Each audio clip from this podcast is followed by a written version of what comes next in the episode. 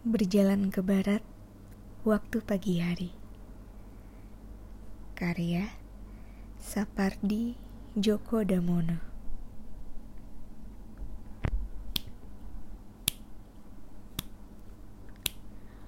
Waktu aku berjalan ke barat di waktu pagi, matahari mengikutiku di belakang.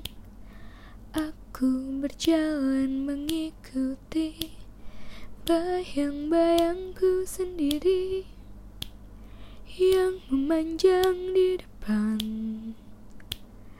Aku dan matahari tidak bertengkar tentang siapa di antara kami yang telah menciptakan bayang-bayang.